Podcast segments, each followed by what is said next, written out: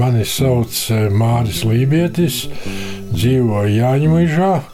Barikāžu laikā strādāju Jāņmuižas lauksaimniecības skolā par ražošanas apmācības meistaru.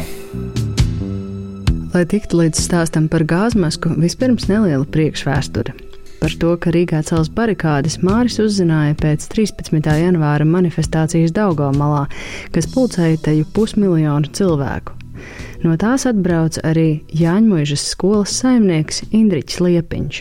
Un eh, teica, puikas, nu ir ziepes, eh, Lietuvā jau ir kritušie. Jābrauc glābt ministriju. Cēs puses ļaudīm bija uzticēts sargāt ministru padomi, tagadējo ministru kabinetu.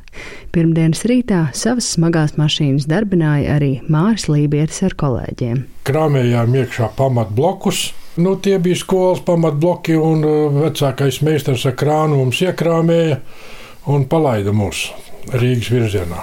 Mēs bijām trīs mašīnas, divi brāļi Pikšēni un es. Visi trīs ar kamaziem. Pamata blokus izmantoja barikādēm, bet Māra jauno kamazu iesprostoja starp citiem smagajiem, tieši pie augstākās tiesas durvīm. Pirmā diena pagāja mierīgi. Vakarā atnāca Godmanis, uzaicināja uz vakariņām. Tā pirmā reize un vienīgo reizi bija ministra mājā. Ar kādu no ministriem pie viena galda ēda, ēda, ēda vakariņas, ar kuru nezinu. bet, nu, bet nu, fakts ir tāds, ka uzaicināja, ka visus šoferus uzaicināja uz vakariņām. No barikāžu laika Mārim Lībietim joprojām mājās saglabājusies viena dakšiņa, kā arī jau pieminētā gāzmaska. Nu, tā vienā brīdī, nezinu, kurā parādījās mašīnā, kas ir ugunsdzēsējiem aparātiem un kas ir gāzmaskām. Viena gāzmaska ir kaimiņam, ir otra. Tas mums vēl palika. Kurš tās ielika mašīnā, Māris nezina joprojām. Bet gāzmaskas uz barikādēm bija daudziem. Padomi laikā tā bija neatņemama civilās aizsardzības mācību sastāvdaļa ikvienā iestādē.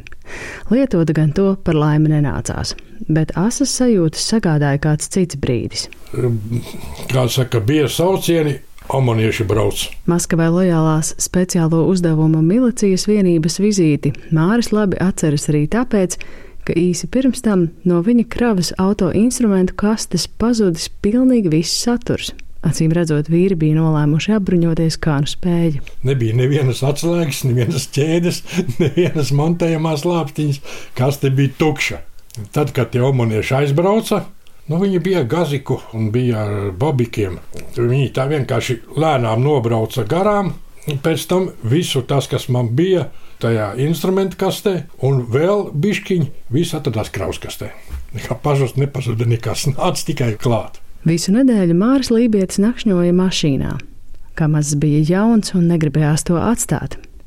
Vai barikāžu laikā bija bail, Par to tobrīd īsti nesot domāts. Nu, varēja jau būt sekas tur briesmīgas, ja tur būtu kāds molotovs kokteils iemests ap tām mašīnām.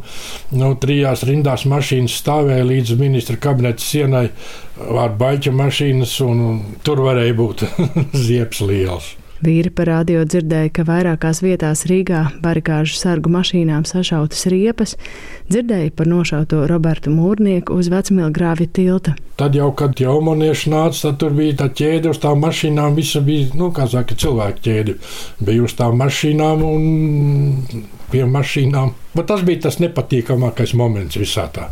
At, kad, kad nāca tie omanieši, tā helikopteri lidoja pa virsmu, bet tie tā īpaši emocijas, kā saka, neizraisīja. Lai īsinātu laiku, barikāžu sargi pie augstākās tiesas uzstādītās satelīta šķīvja skatījās telekanālu CNN, klausījās radio un reizēm aizgāja arī līdz kolēģiem Doma laukumā. Nebija tā, ka tur bija tikai latvieši. Ļoti daudz bija krievu tautības cilvēku pie viena ugunskura, kā saka, sēdēja latvieši, krievi vai baltkrievi vai kas viņam vecāko citu tautieši. Jo tā atmosfēra bija, no to tā nevar izstāstīt nemaz. Tas bija tāds piedzīvojums, kāds otrs mūžā laikam nebūs.